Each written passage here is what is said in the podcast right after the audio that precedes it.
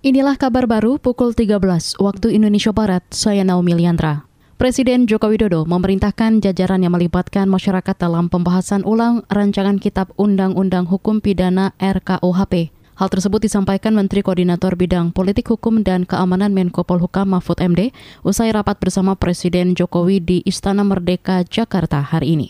Tadi Bapak Presiden e, memerintahkan atau meminta kepada kami dari pemerintah yang terkait dengan ini untuk sekali lagi memastikan bahwa masyarakat sudah paham terhadap masalah-masalah yang masih diperdebatkan itu sehingga kami diminta untuk mendiskusikan lagi secara masif dengan masyarakat untuk memberi pengertian dan justru minta pendapat dan usul-usul dari masyarakat.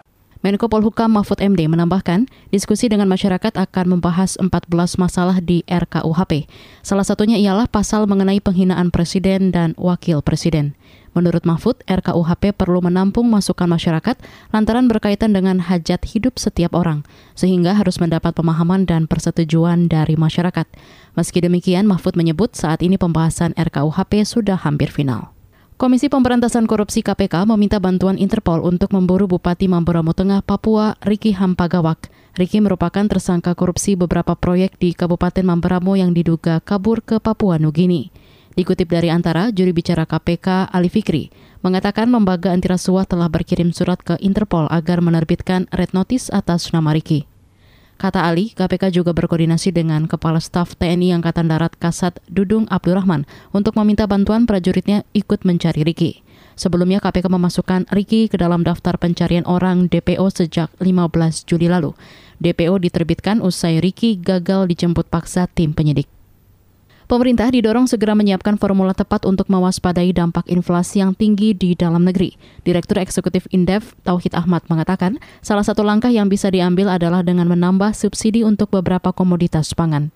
Itu disampaikan Tauhid merespons inflasi Juli 2022 sebesar 4,94 persen atau tertinggi sejak Oktober 2015 bagi pemerintah ya menjaga agar potensi kenaikan inflasi dari komoditas pangan ataupun energi itu harus diserap ya melalui apa ya adanya tambahan subsidi dan sebagainya. Itu yang kedua adalah ya pemerintah harus menyiapkan ketersediaan barang-barang dengan harga terjangkau apakah melalui subsidi di harga dan sebagainya ataupun memang barangnya jangan sampai tidak ada karena terlampau mahal gitu ya.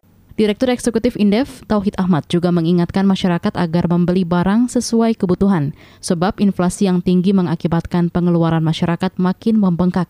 Situasi ini pada akhirnya akan membuat daya beli berkurang. Demikian kabar baru KBR, saya Naomi Liandra.